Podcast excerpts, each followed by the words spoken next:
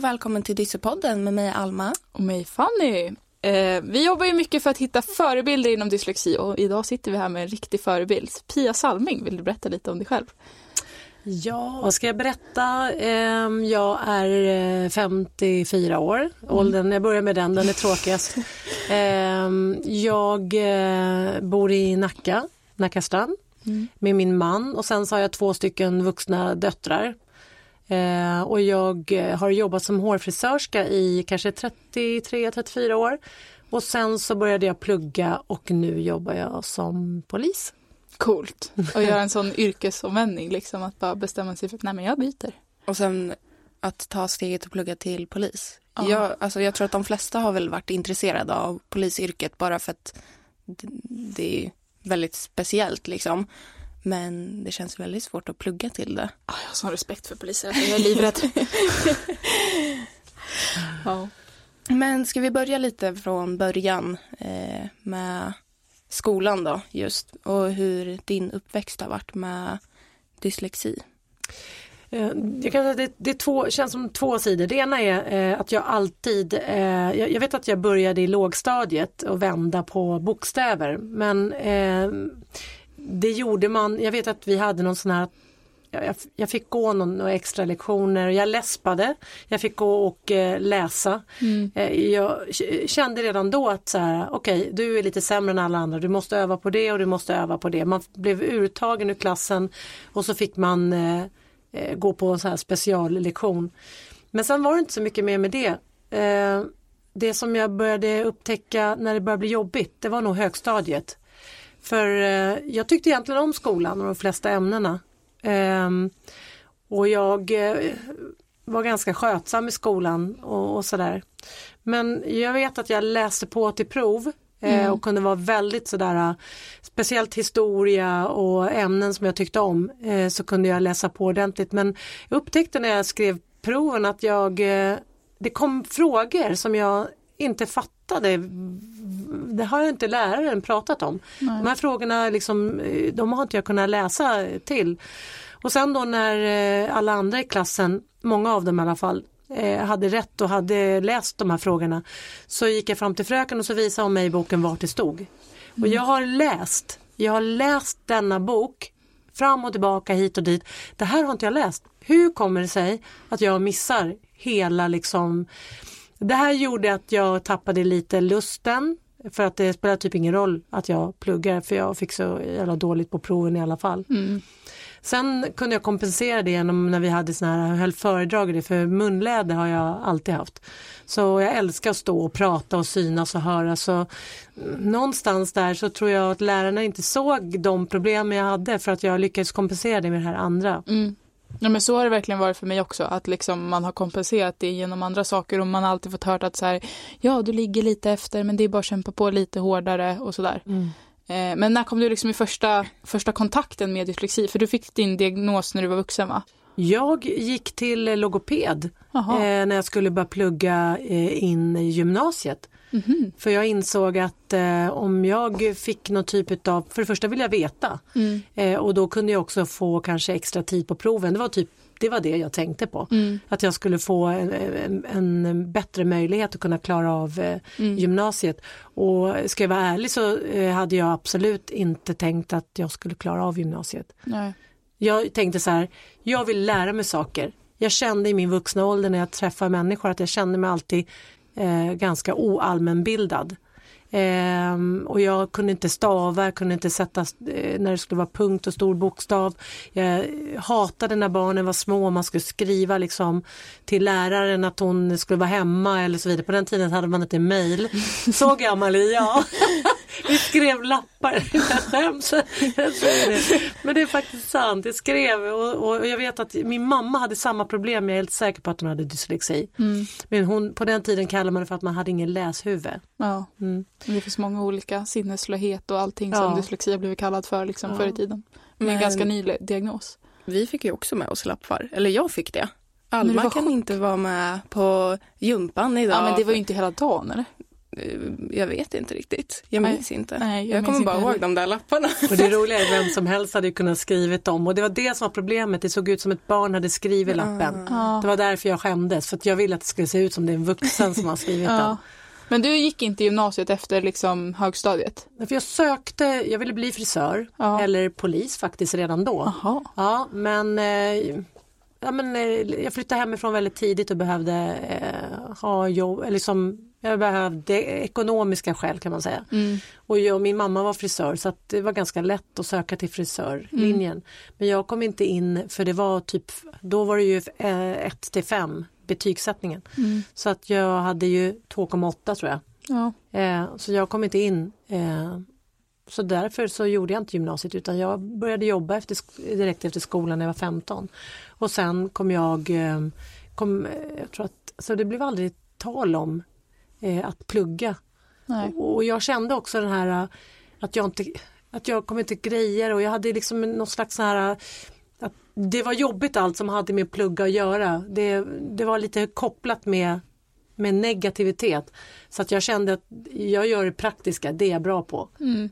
Så jag körde den linjen istället och då blev det ingen gymnasium. Men var det mer liksom, för att idag så känns det typ som att ja, gymnasiet är ju inte ett krav liksom enligt skollagen att du behöver gå men det är ju ändå en men vad ska man säga, norm att alla, ska, alla ska ha en gymnasieexamen. Var det likadant då? Nej, det var precis den, eh, det var precis i slutet på, jag vet alla tvååriga linjer blev treåriga Ja. och så vidare. Men ett tag där var det fortfarande så att du kunde välja Mm. eh, mer praktiska eh, yrkesval. Liksom. Mm. och eh, jag hade redan bestämt mig att gå den vägen Ja. ganska tidigt.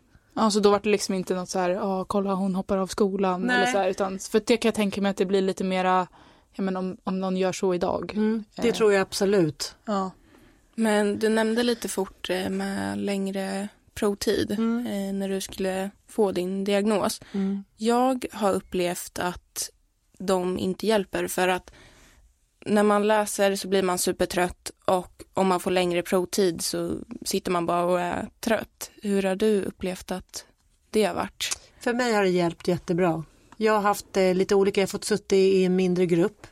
Jag har fått suttit, eh, i gymnasiet gick jag på eh, komvux på Åsö gymnasium, då fick jag sitta, eh, vi satt högst två eller tre personer, så fick man ha hörlurar i slutet kom det, så att det blev alldeles tyst. Jag kunde bli jättestressad när någon annan eh, blev klar före mig och gick och jag blev kvar själv. Ehm, och eh, ljud eh, var jag också känslig för. Ehm, om jag var mitt i en mening som jag hade tänkt ut och så eh, höll jag på att skriva och så gör någon, någon öppnar en macka eller någonting bara Oh my god. ja. Nej men det där är jag. I, alltså i ett nötskal. Koncentrationssvårigheterna, mm, koncentrationssvårigheterna är verkligen min, min största svaghet och har alltid varit. Det här med att liksom, varför får den göra så och, och allt sånt här. Liksom, jag har aldrig kunnat liksom skärma av och bara koppla, koppla här. Men sen det här med prov, alltså jag gillade ju att sitta längre för då kunde man ju prata med läraren efteråt. Och jag älskar ju att prata med människor så att för mig var det liksom aldrig problem med att jag var sist. Dessutom så slapp jag ju vänta på mina kompisar om jag var sist. De fick ju vänta på mig. Ah, Så att jag, jag satt gärna. vad lustigt. Men också det här att liksom, ja men den sista, att sitta längst för mig, det var ju så här, ja de sista kvarten ofta då, då är jag ju själv. Det var ju då jag kunde liksom koncentrera mig på provet. Innan det var det bara att sitta och vänta tills alla andra hade gått. För det fanns ju liksom inte en chans för mig att sitta och koncentrera mig. Ja men jag hade kommit liksom tre frågor när de andra var färdiga med 20 frågor provet och sen på sista kvarten så fick jag spida igenom resten för att det var då jag kunde koncentrera mig. Där har du ju också en sak som var, har varit jätte, eh, man, säga, man har fått kämpa för mig. Eh, det nya sättet att plugga, vi pratade lite om det innan här Mm. också. Eh, att eh, det är väldigt skillnad. Förut eh, när jag pluggade på 80-talet då skulle man kunna årtal, man fick till sig de här sidorna ska du kunna det här, det här, det här. Du visste exakt, kunde du det så kunde du om du nu förstod texten och fick in Mm. allting. Men nu är det så att du ska, du, du, du ska lära dig eh, ett ämne, du ska jämföra det med eh, andra saker och sen ska du skriva en slutsats själv. Och där ska du liksom ha förstått alla begrepp och allting och kunna resonera och, och vända och vrida. Och för mig har det varit liksom helt hopplöst.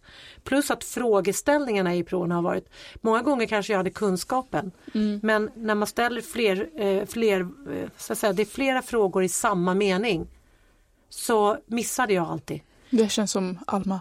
Standard Alma. Nej, men, alltså, jag hatade när det var en, en fråga och så skulle man skriva ett helt A4 Ja. under den. Alma Jag vill ha A, B, C så här.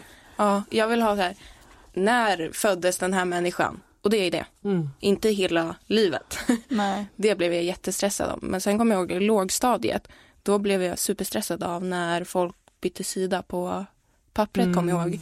När man skulle ha ja, men en, några A4 med läsning, det kanske man inte hade på lågstadiet, men ja, jag vet inte riktigt när det kommer.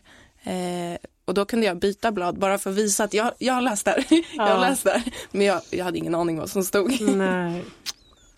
Och det här med att byta ord, det vi pratade om förut. Men, men att läsa fel på prover. Mm, mm. Eller på prov. Bara vi hade ett ekonomiprov eh, när vi gick tvåan, trean någonting.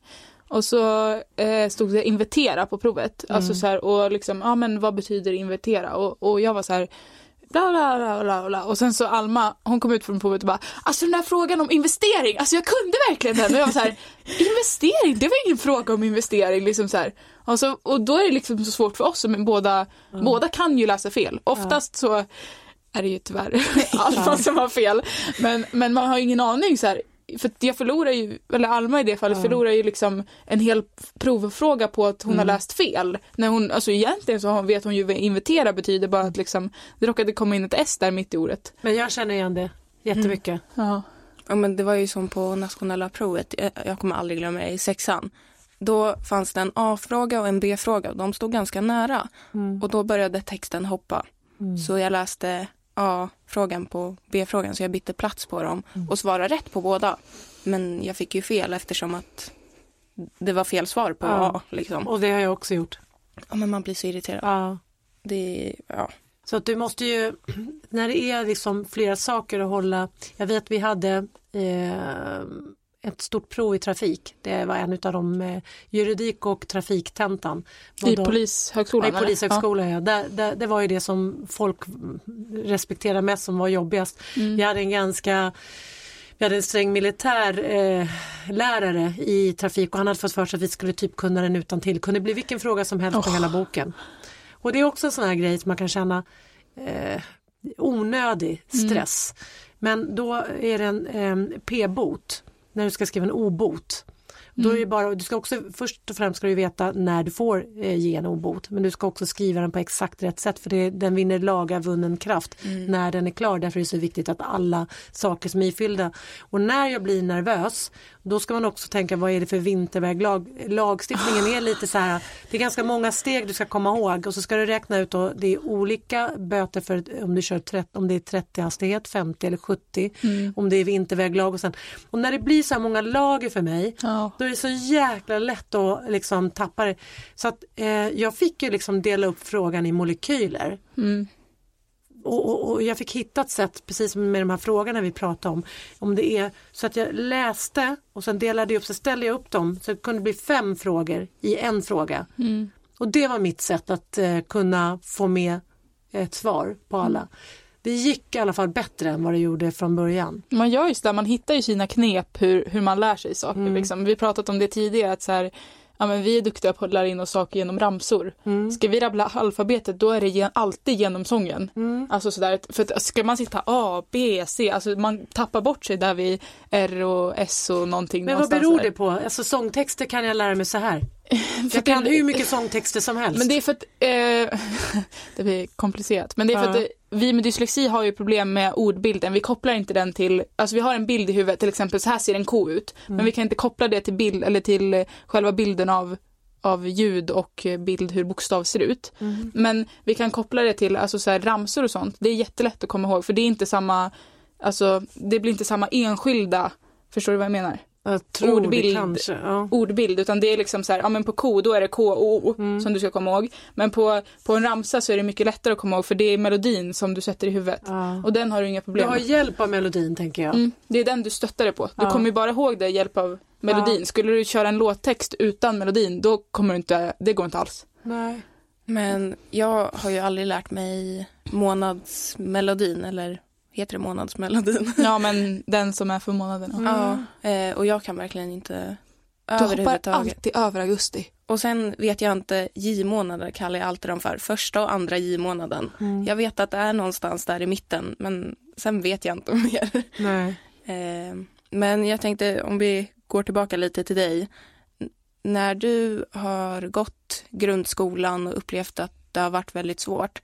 Var inte det ett väldigt stort steg att plugga igen? För jag menar min självkänsla under grundskolan var ju inte alls bra när jag inte förstod men man känner sig ju inte jättetaggad på att börja plugga direkt. Nej, jag skulle nog ha svårt att ta det steget bara för jag känner att jag mm. ligger efter.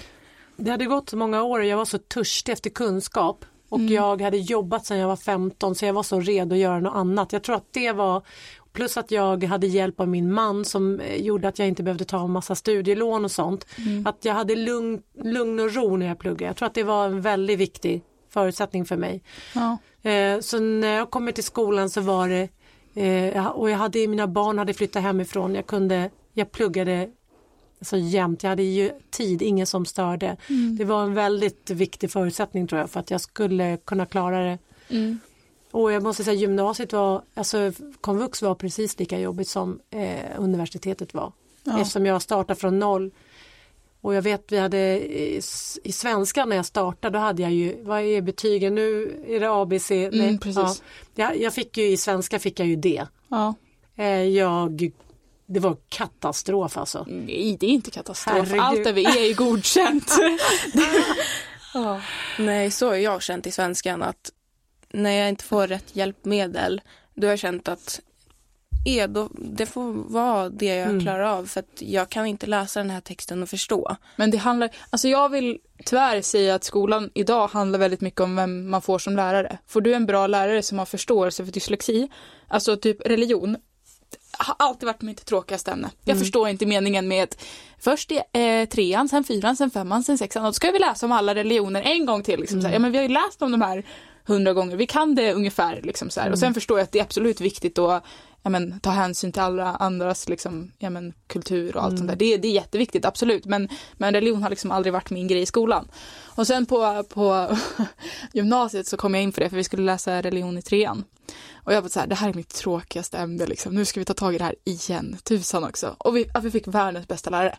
Mm. Och hon var så här, alltså Fanny kommer du ihåg när du började religion? Du bara, det här är det tråkigaste som finns. Och nu liksom så här, religionslektionerna, det var ju det roligaste i veckan. Mm. För vi fick liksom, hon hade så stor förståelse och ville, hon var så liksom så här duktig på att vilja se våra svagheter och hjälpa oss med det. Hon brydde sig verkligen om ja men så här, eh, råkade sätta på en film på indiska och sen efteråt och jag och Alma satt där och bara, nej men alltså fan, Sofia på riktigt, vi fattar ingenting. Hon bara, nej just det, förlåt, förlåt, förlåt. Och så bara, så här, vad kan jag göra, hur kan jag hjälpa er? Och liksom, ja men verkligen jobbade för oss. Och då var det ju skitkul. Religionen var ju liksom favoriten nästan. Men jag tror att den stora grejen var att hon förstod, eller hon visste inte riktigt vad dyslexi innebar, men hon lyssnade på oss. Mm. Och jag tror att där var det den stora hjälpen liksom. Ja. Hade dina lärare när du gick, i, alltså gick om gymnasiet förståelse för, för dina svagheter? Jag hade en jättebra och en jättedålig. Jag, har, jag har två eh, jättebra exempel här. Ja. I svenskan så hade jag en gammal eh, avdankad söderböna med hår ner till midjan och ring i näsan. Hon var i min ålder tror jag. Ja. Och lite tatueringar. Hon var fruktansvärd. Mm. Eh, hon valde direkt ut eh, favoriter och icke favoriter. Och sen mm Eh, jag tror att jag störde hennes eh, mall utav, jag tror att hon hon, I och med att jag då, eh, jag gillar kläder, jag mm. eh, sminkade mig, jag hade ganska kanske dyra märkeskläder. Det stack i ögonen på henne direkt. Ja. Eh, jag passar inte, jag, så, eh, här kommer jag, eh, hon satte någon sån här eh, etikett på mig som någon rik hemmafru som får gå och plugga tror jag. Ja. Jag kände att jag blev bemött lite så. Mm. och då när jag hade förklarat för henne vi skulle, vi skulle skriva akademiskt jag eh, hade skickat in två stycken inlämningar till henne och hon sa så här, det här är inte akademiskt, du måste göra så här.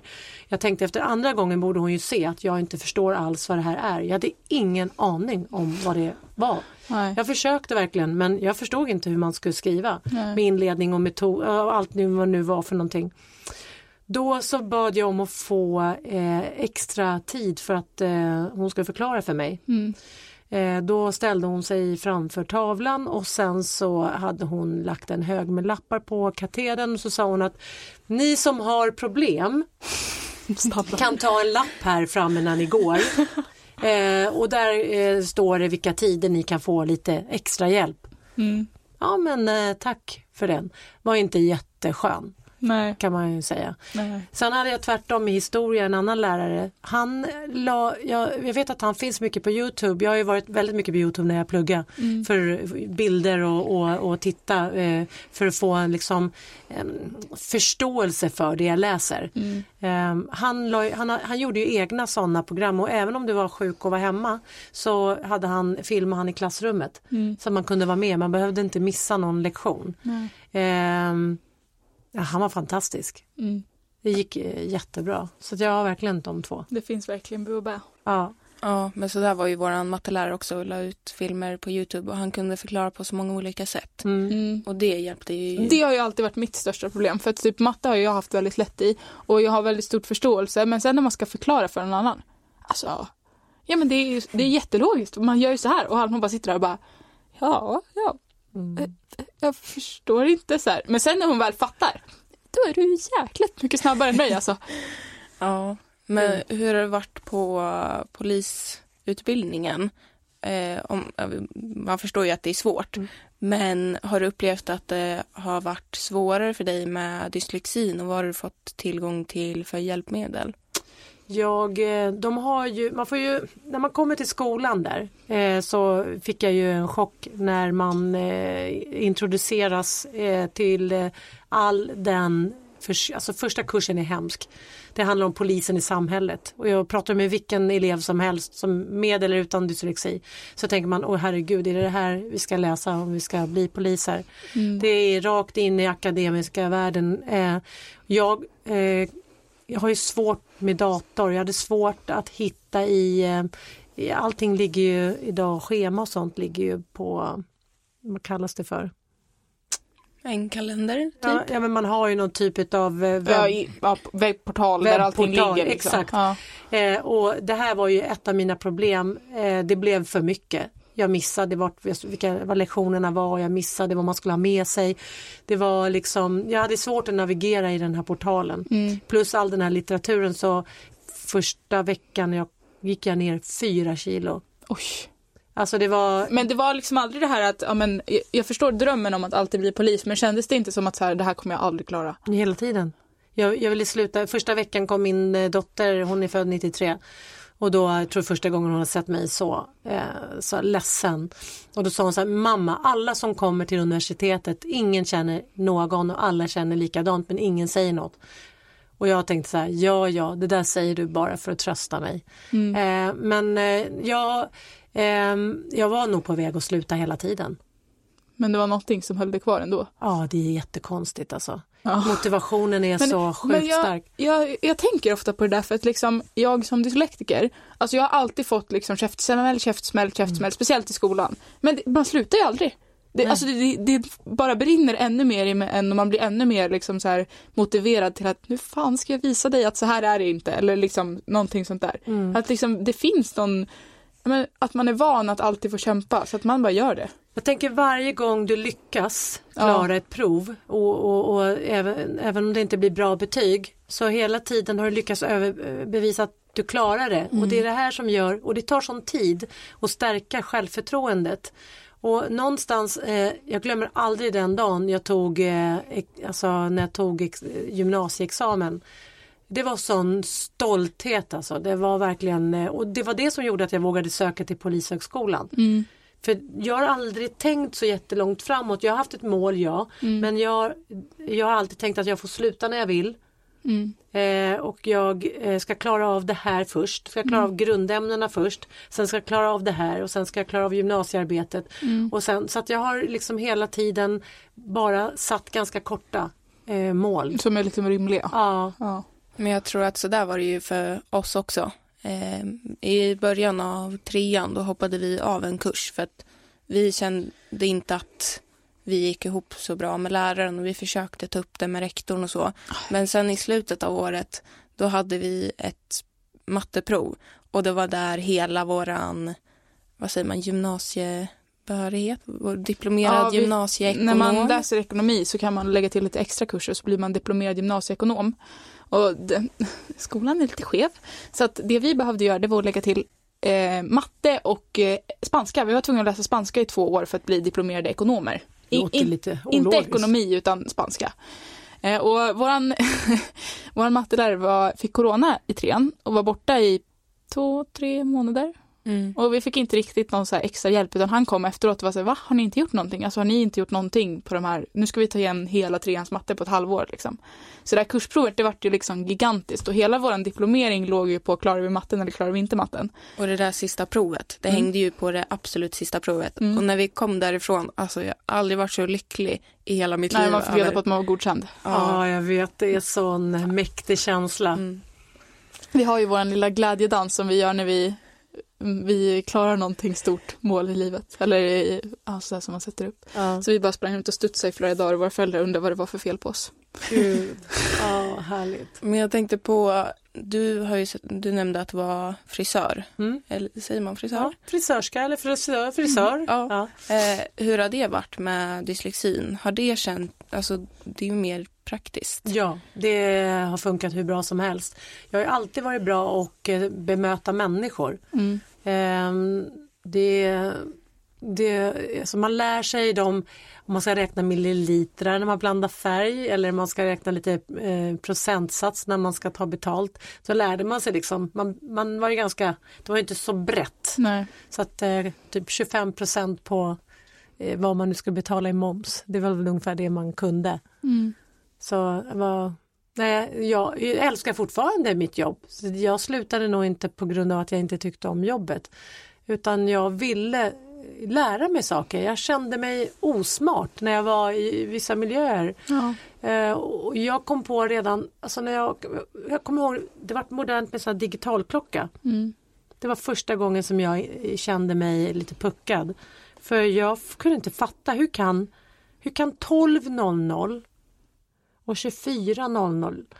Alltså jag kunde inte förstå det här med siffrorna.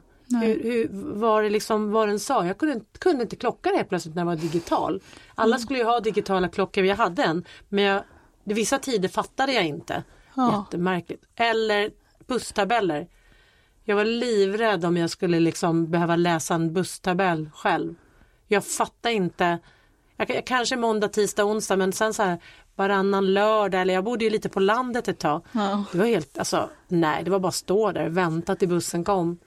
Men där hittar man ju verkligen sina metoder. Alltså jag kommer ihåg att när jag lärde mig klockan så började jag att lära mig digitala klockan. För att jag kollade på, vad heter det, på, på tv-boxen. Så visste jag att klockan åtta då börjar roliga program och det visste jag att det var 20.00. Så jag räknade ju alltid ifrån det. Okej okay, klockan åtta det är, det är 20.00 och så var jag visste jag att om, om det stod 16 då var det ju att räkna bakåt från åtta. Ja, åtta, sju, sex, fem.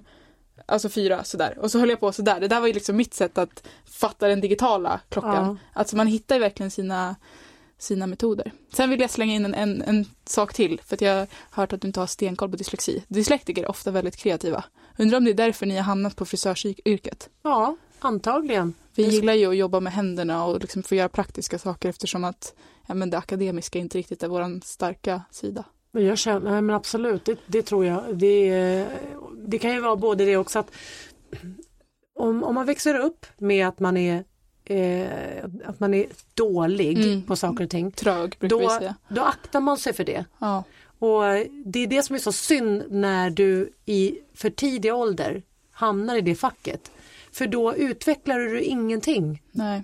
Jag har ju aktat mig för matte och aktat mig för liksom sånt som har med, med kunskap att göra hur länge som helst. Mm. Istället för att man dyker in i det, för de har ju märkt ju mer man dyker in och gör någonting desto mer lär man sig ju. Men mm. eh, vi har ju en förmåga att dra oss till det som vi känner oss i vår comfort zone. Absolut. Men om vi ska gå vidare lite till hur det är för dig idag och hur det är att jobba som polis med dyslexi. Jag kan faktiskt fortfarande känna eh, att självförtroendet kan, eh, jag jobbar jättemycket och försöker vara snäll mot mig själv men mm. Och det här kanske inte bara har med att man har dyslexi att göra, det kanske är mm, som det är men jag är ju äldre och jag känner att i många situationer har jag en fördel för att jag eh, är mycket tryggare i mig själv och jag har inte behovet av att eh, eh, visa vem jag är och vad jag går för. Eh, många yngre kanske inte vågar riktigt säga som de känner och tycker. Mm. Eh, jag tror att jag kan vara i många situationer och känna mig ganska trygg. Men däremot så känner jag direkt att vi kommer in i avrapporteringsrummet när vi ska börja skriva. Mm. Jag kan ju känna när jag hör eh, de, de här tangenterna bara Jag har lust att slå den som sitter bredvid för att eh, för det är fortfarande så här lite pekfingervalsen för mig och jag måste så här, sudda eh, och jag måste läsa igenom. Så jag kan känna ibland när jag jobbar med någon som helt plötsligt bara gör mina saker åt mig mm. eh, för att det går fortare än att jag gör det. Mm. Men alla ska liksom avrapportera eller? Det är inte så ja. att du kan lägga det på någon annan? Nej. Hur är det då? då? Kan du, får du liksom möjligheten att använda dig av typ en mental syntes eller någonting? Nej. Utan du måste skriva? Ja. Jaha. jag bara känner att gud, jag hade somnat direkt. Mm.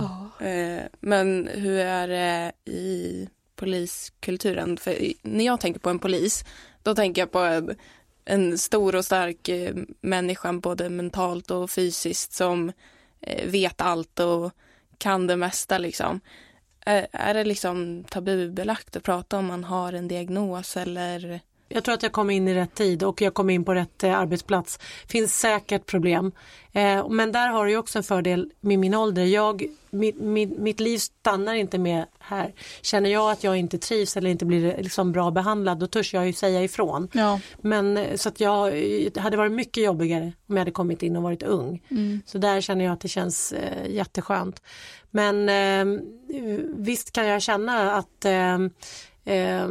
jag tror att det ligger mer hos mig för jag tycker att mina arbetskamrater oftast är väldigt eh, eh, ja, men de brukar oftast, det, är väldigt högt i tak och jag har eh, sen jag fick den här diagnosen eh, att jag har dyslexi mm. så har jag vågat vara väldigt mycket mer öppen med det och när jag har, är öppen med det då har folk haft mycket större eh, tålamod. hur gammal var du när du fick dyslexi? Vet du det? Ja, 20, alltså var när jag började plugga, 2017. Ja. Jag gick till en logoped för att jag skulle då få extra, eh, kunna få extra tid mm. och eh, de fördelarna eh, när jag pluggade. Och det var, det var faktiskt en, en, en sån här aha-upplevelse. Oh. För komma in som är vuxen och göra några prover, jag hade ingen aning om vad jag hade väntat mig. Nej. Och eh, jag kommer ihåg att eh, hon läste för mig en text och så skulle jag återupprepa vad det var hon läste. Jag kommer ihåg kanske fyra ord på sin höjd. Mm. Eh, och sen så fick jag eh, läsa ett papper och så fick jag lyssna på henne eh, när hon läste. Eh, och då var det så här Herregud vilken skillnad det är. Hur kan jag komma ihåg så mycket? Mm. När jag får läsa själv och så lyssnar jag på henne samtidigt. Då kände jag så här, men gud det är inte konstigt Nej. att det är så jäkla jobbigt att läsa. Nej. Men det är ju ofta så, så det pratar vi om hur viktigt det faktiskt är att bli utredd. För att, så här, eh, jag har alltid sagt att så här, i mitt liv så kommer jag aldrig få skylla på min dyslexi. Det finns ingenting som jag inte kan göra på grund av min dyslexi. Men det, det är så skönt att förstå att så här, det är inget fel på mig. Det, det finns en anledning till varför, varför det är mycket kämpigare för mig än för alla andra. Och liksom så här, det, det är så viktigt att liksom, för att förstå sig själv. Det handlar egentligen inte om att andra ska liksom så här, ja, men sätta en stämpel på att hon har dyslexi och då ska hon få de här hjälpmedlen. Utan det handlar ju bara om sig själv och sin liksom, bild av sig själv och att faktiskt känna sig förstådd. För jag vet att när du fick din medicinska diagnos så satte de ju sig ner, eller du gick ju till till spe, vår specialpedagog på skolan och satte dig ner med henne och sa vad, så här, vad betyder mina papper? Mm. Men det var ju början av trean, du och jag gick ju tillsammans ja, just det, ja. och kolla så här, men vad, vad är det vi har svårt med? Vi mm. kommer ju inte ihåg när vi var små när någon sa att ah, du har dyslexi, du har svårt att läsa och skriva. Ja. Och sen var det inte så mycket mer än så. Så det är nog ett av våra tips till andra dyslektiker att ta era papper och gå till en speciallärare. Mm. För då kan man få reda på, hon, alltså hon, när hon kollar på dem, då var det så här, ehm, har du fått någon hjälp? Mm. Du kan få gå till en eh, speciallärare och få hjälp. Och jag var så här, Jaha, gud vad bra. Men, Men, det var ju också det här att hon satte ju sig och liksom så gick igenom dina papper och var så här, det här är du bra på, det här är du mindre bra på. Mm. Och du var så här, men så är det ju, liksom, det var så mycket jag har upplevelse i det. Mm. Och det är ofta alltså, viktigt för att liksom ja men när man förstår sin diagnos så mår man mycket bättre i den liksom. Mm. Ja, men jag upplever samma när jag gjorde eh, utredningen. Alltså, jag kunde nästan sitta och skratta åt mig själv Mm. bara för att jag insåg att jag läser så fruktansvärt långsamt jämfört med om man lyssnar på ens mamma eller syster som läser högt. Och det, det var verkligen så skönt att sitta och, och vara med någon som är utbildad och vara så här, men det här är jag superbra Mm. på. Komma ihåg siffror, det kan jag. Men att eh, läsa eller skriva, det går ju verkligen inte. Eh, det var ju en uppgift. Man skulle skriva en text och ge den till henne och så fick hon kolla på den och se ja, men hur kan Alma bygga upp texter. Och jag satt i en halvtimme och skrev den där texten och var så här, det ska bli så fint. Allt är perfekt. Ja, jag har satt punkter, jag har satt stor bokstav, inga stavfel. Och sen när jag fick tillbaka um, vad heter det, utredningspapperna, då var det så här, det var väldigt mycket stavfel, det var inte så mycket punkter och jag var så här, jag, jag har satt så många här. Hur många punkter kan man behöva i en och samma text? Men det pratade vi också om, eh, eller vi nämnde ju det för dig förut, men jag vet inte om vi har gjort det här i, eh, i podden. Att eh, eh, ofta så har man ju väldigt mycket i huvudet och man ska få ner det och det har vi ett så strålande exempel på att vi skulle skriva en text tillsammans på engelskan, jag och Alma. Och Alma bara körde på. Och sen så när vi gick tillbaka och kollade på texten då hade hon skrivit 32 and och hade en punkt på ett helt A4 liksom med vanlig storlek. Och det var så här, och Alma var så här, ja, men, och jag bara, kan du, kolla, kan du bara snälla kolla på den här texten och kolla liksom så här, hur ser det ut? Hon bara, men det ser jättebra ut! Jag var så här, ja, men, eh, absolut, så att det är så svårt också att gå tillbaka att liksom så här, vad har jag gjort fel och lägga in och lägga om, utan man måste verkligen bara nöta, nöta, nöta, nöta och det är det tråkigaste som finns. Och där är det samma sak, sitter du i en tenta Mm. och sen upptäcker du när du försöker läsa igenom att det är, ett, eh, att det är, liksom, det, det är fel ände, så man, man har satt ordet i fel ände utav meningen så att det får inte riktigt den meningen som man har tänkt. Ja. Och sen när man är så trött och ska man gå in och ändra i texten. Eh, det är också sådana saker som, som, som gör att det är fördel att ha extra eh, tid på prov för att du får de här möjligheten att gå in ja, och, och ändra. Men vad jag tänkte på också, ett annat problem jag har är när jag läser texter att jag hela tiden fastnar på ord jag inte förstår. Jag kan inte gå vidare och min dotter brukar säga så här, när du, när du ser ett sånt ord, hoppa över det och bara lär dig helheten. Det går inte. Det är som det, jag fastnar på det ordet så måste jag googla och slå på det och, och förstå det innan jag kan gå vidare liksom. Och det tar ju sån jäkla tid då att förstå. Och du släpper allting annat, du kommer inte ihåg något annat du har läst. Nej, bara det där ordet jag inte förstår. Ja.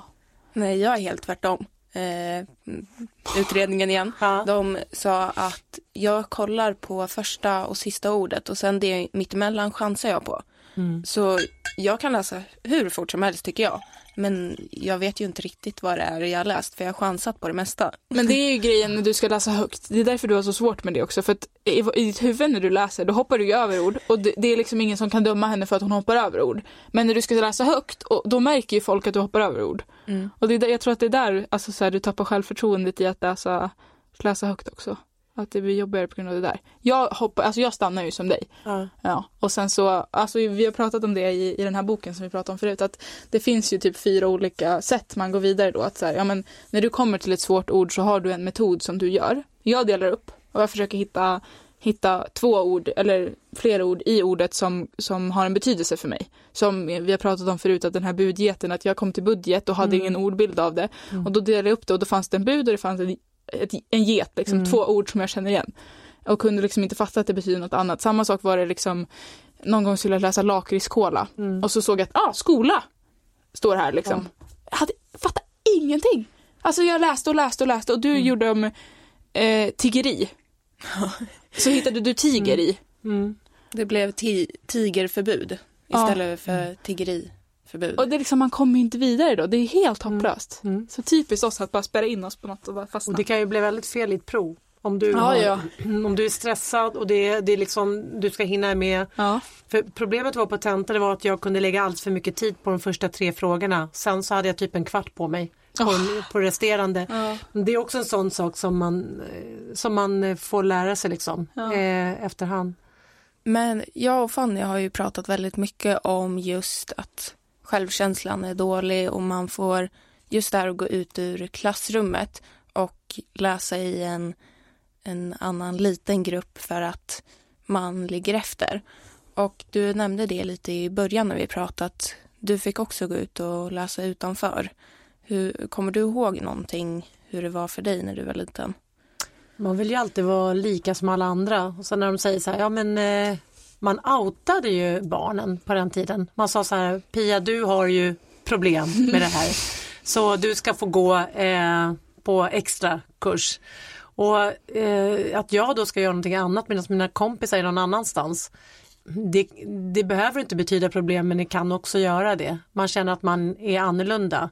Mm. Sen eh, något som jag upptäckte ganska snabbt var att eh, när läraren talar om vad man ska göra på lektionerna så jag har väldigt svårt att ta mer än tre direktiv, kanske två, två helst, men tre då börjar det redan försvinna liksom. Så när alla andra sätter igång och jobbar i klassen så har jag ingen aning om vad vi ska göra. Så det blir att jag hoppar runt och blir någon typ av störningsmoment för att jag ska se vad de andra gör. Jag ska försöka ta reda på vad vi ska göra utan att verka som en idiot. Så 20 minuter av varje lektion, det var alltså halva lektionen, eh, förstördes ju för mig. Så där ligger man ju redan efter i, i tid, lärotid mm. mot de andra. Eh, och det tyckte jag var skitjobbigt. Varför förstår de vad vi ska göra när inte jag gör det? Och varför är det ingen som märker att inte jag förstår vad vi ska göra på den här lektionen? Så ja, det är ingen jättehöjdare. Nej, men så där var det ju också. Eh, du brukar ju kon kunna koncentrera dig i början på lektionen när vi får reda på vad vi ska göra. Mm. Medan jag, jag är så här, de skriver upp det på tavlan, jag orkar inte läsa det. Så jag, jag frågade ju alltid Fanny, vad, vad var det vi skulle göra? Och gymnasiearbetet, alltså det tog ju ungefär ett halvår innan jag började med det. Och men man får vi sköt ju upp det lite också. Ja, man får ett år på sig att skriva det. Men jag väntade ett halvår och sen så började jag, för jag förstod inte. Men vi, vi la ju också upp det så att vi gjorde hela gymnasiet, alltså vi, för att vi hade ju dyslexiboken projektet och vårt gymnasiearbete, det var ju två olika stora projekt. Och det gick inte riktigt att jobba dubbelt med dem, alltså det vart alldeles för mycket jobb. Så vi tog ju dyslexiboken i liksom fem månader, sen tog vi en månad av där vi bara gjorde gymnasiearbetet, för det, det var för jobbigt att ha för mycket i hjärnan. Så att fokusera på bara boken, ta den en månad off, bara gymnasiearbete och sen tillbaka till boken. För det, liksom, det blev för mycket annars. För mycket jobb och för liksom, hoppigt i hjärnan. Det, jag klarar inte av att ha så mycket ja, men information och så ska man komma ihåg vad det var vi gjorde i matten och så här, liksom, det blir, det blir, vi la ju upp det så. Om vi ska gå tillbaka lite till polisyrket då. Vi pratade förut om att det var kämpigt med att skriva sådana avrapporteringar. Men jag måste tänka att det också finns väldigt mycket positivt med att ha dyslexi och vara polis. Jag tänker typ problemlösning brukar vi vara väldigt duktiga på, kreativa och sådär. Hur känns det kring sånt där? Mm.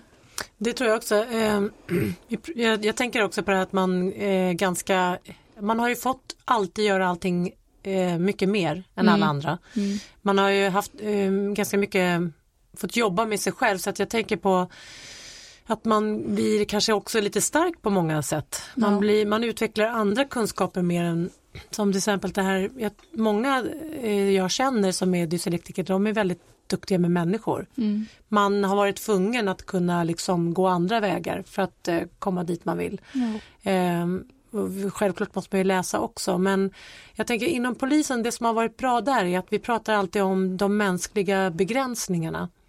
Och eh, vi brukar alltid, man, man inventerar så här, vad kan jag, vad kan jag inte? För att om jag utger mig för i en situation kunna saker och ting så kan jag ju vara en fara för min partner mm. som jag jobbar med. Så därför, jag till exempel, jag är jättedålig på geografi och lokalsinnet är noll. Vilket inte är jättebra när man eh, gör vissa, eh, när man ska leta efter personer och man får, eh, eller man får så här, ja det är en bil som står eh, trafikfarligt eh, österut eh, på 222. Jag bara öster, väster, norr, syd. Alltså jag, alltså jag är så dålig på det här. Hur jag än gör, jag vet, jag kan väderstrecken mm. men sätta dem på en karta eller i, i en, så det är det första jag säger till en partner jag jobbar med Mm. Jag har ingen lokalsinne, jag är jättedålig. Så att man inte behöver låtsas, för kör du liksom blott då om personen som du åker med vet om det här, mm. eh, då kan han eh, vara noga så här, andra höger här eller fortsätt rakt fram. När alltså att man kan dirigera varandra, att de kan ta lite mer kommando över det här hittandet. Mm. Därför att annars ska jag sitta och vara stressad över att han, jag ska försöka kamouflera att jag inte kan det här. För vissa saker har jag insett att jag bara kommer inte, det kommer inte fungera. Nej. Så eh, om man kan släppa det över lite mer och outa ut det till den personen man jobbar med, eh, då blir man lite tryggare. Ja, verkligen. Alma har ju precis samma problem med lokalsinnet. Alltså vi har ju mm. varit här och spelat in nu kanske åtta gånger och vi, när vi står i korsningen utanför, Alma är så här, vart är vi nu? Det ser likadant ut jag blir överallt. Glad. Jag blir så glad när jag hör det. För det är faktiskt jävligt jobbigt och tråkigt på alla sätt och vis. Men eh, nu finns det så här, det här nya i, i Google-appen där det står var din bil står parkerad. Det är det bästa som har hänt. Jag kan stå två gator bort, ändå vet jag inte vilket håll jag ska gå ut när jag går ut från dörren. Och jag är helt tvärtom. Alltså jag, jag, har jag varit på ett ställe en gång så kan jag hitta dit igen. Alltså. Det, det, är så intressant att man är så olika liksom. Att så här, men lokalsinne har alltid varit så naturligt för mig och jag känner igen mig och jag har Men jag tror att det handlar också om att så här, vad man har för minne. Mm. Jag tror att jag har byggt upp ett bildminne. För att det har varit lättast för mig, alltså eftersom jag inte haft så mycket hjälpmedel och allting i min uppväxt, att så här, bygga upp ett bygga upp det här bildminnet har gjort det så mycket lättare för mig att läsa saker. Att liksom det är lättare att ta kort i hjärnan om man tänker så av någonting. Och är det bilder då är det väldigt lätt att komma ihåg. Är det texter är det mycket svårare men, men det går ändå liksom sådär. Så att jag har ju liksom bilder från men liksom allt. Alltså när vi var här och spelade in podden första gången så kan jag säga vad vi hade på oss för kläder för att liksom det finns en bild i mitt huvud av det. Och det är det där som jag tror att jag tar ju sådana bilder hela tiden när jag går så jag känner ju igen hus och, och vägar och liksom sådär. Det blir naturligt för mig på ett annat sätt. Jag tycker att allt i Stockholm ser exakt likadant ut överallt. Mm. I våran, där, där vi bor, no. eh, stad kan man nog kalla det. det är inte så stort. Det tar typ 20 minuter med bil från ena sidan till andra. Men du hittar ju inte det heller. Nej. Nej. Alltså det tog en evighet för mig att lära mig var Fanny bodde. Och hon bor fem minuter ifrån mig med bil. Men en fråga, har du läst båttidtabeller någon gång? Mm. Har du sett hur de ser ut? Nej, jag tror inte det. Det finns två saker som är absolut det värsta. Det är Excel-ark. Ja. Vi eh, gör ju någonting som heter PP inom polisen, alltså man planerar sin, eh, sitt eget schema. Alltså jag, det har varit ett trauma. För att du ska alltså planera dag, kväll, natt lika mycket. Sen finns det kommenderingar, det är andra flikar än Excel-arket. Det är um, olika färggrupper vecka. Så du, jag kan inte ens beskriva det. Planeringen har ju hjälpt mig och där har jag också haft, jag, jag klarar inte, då har de hjälpt mig. Ja. Det har varit en stress varenda gång vi ska göra det här schemat. Men där har jag liksom, nu, nu för varje liksom gång vi ska göra det så går det lite, lite bättre för vissa saker sätter sig och då blir det mindre och mindre att tänka på. Men det är absolut en utmaning och jag missar oftast alltid. Jag satt semesterveckor och sånt boka semester vissa veckor och sen tittar jag vad jag har skrivit på jobbet att jag ska vara ledig. Det precis händer nu. Eh, då är det andra veckor. Eh, så det blir väldigt krångligt i livet så här. Men eh, man lär sig också att man måste dubbelkolla och trippelkolla och allt sånt där. Eh, ja, det är lite som det är. Men båttidtabeller har jag lagt ner för det går inte heller. Ja, vi, eh, när jag tar med mig Fanny hit då åker vi i tunnelbana. Mm. Alltså, det är ju en labyrint. Mm. Ja, Alma kom till kartan och var så här. Och jag bara, ja ah, men vi ska hit så här. kan du försöka hitta det på kartan? bara, Stod liksom så här som ett stort eh, frågetecken. Men det är ju så man är inte van vid det. Alltså så där. Och jag är ganska lätt på att alltså, hitta lösningarna och hitta, mm. ta reda på hur man gör och googla och fixa och dona sådär. Men man är olika. Ja, men då får vi tacka Pia för att du kom hit. Ja, men tack för att jag fick komma hit. fantastisk dyslexiförebild. Tack så mycket. Ja, vi ska ta med oss och, och um, acceptera våra svagheter och våga berätta det för andra. Mm. Det har du och verkligen lärt oss. Våga utmana oss själva med saker som verkar läskiga men mm. man kan klara det. Ja, herregud. herregud. ja, ja, men det får vi säga tack för att ni har lyssnat. Och följ oss gärna på våra sociala medier där vi heter Dissepodden. Hej då! Hej då! Hej då!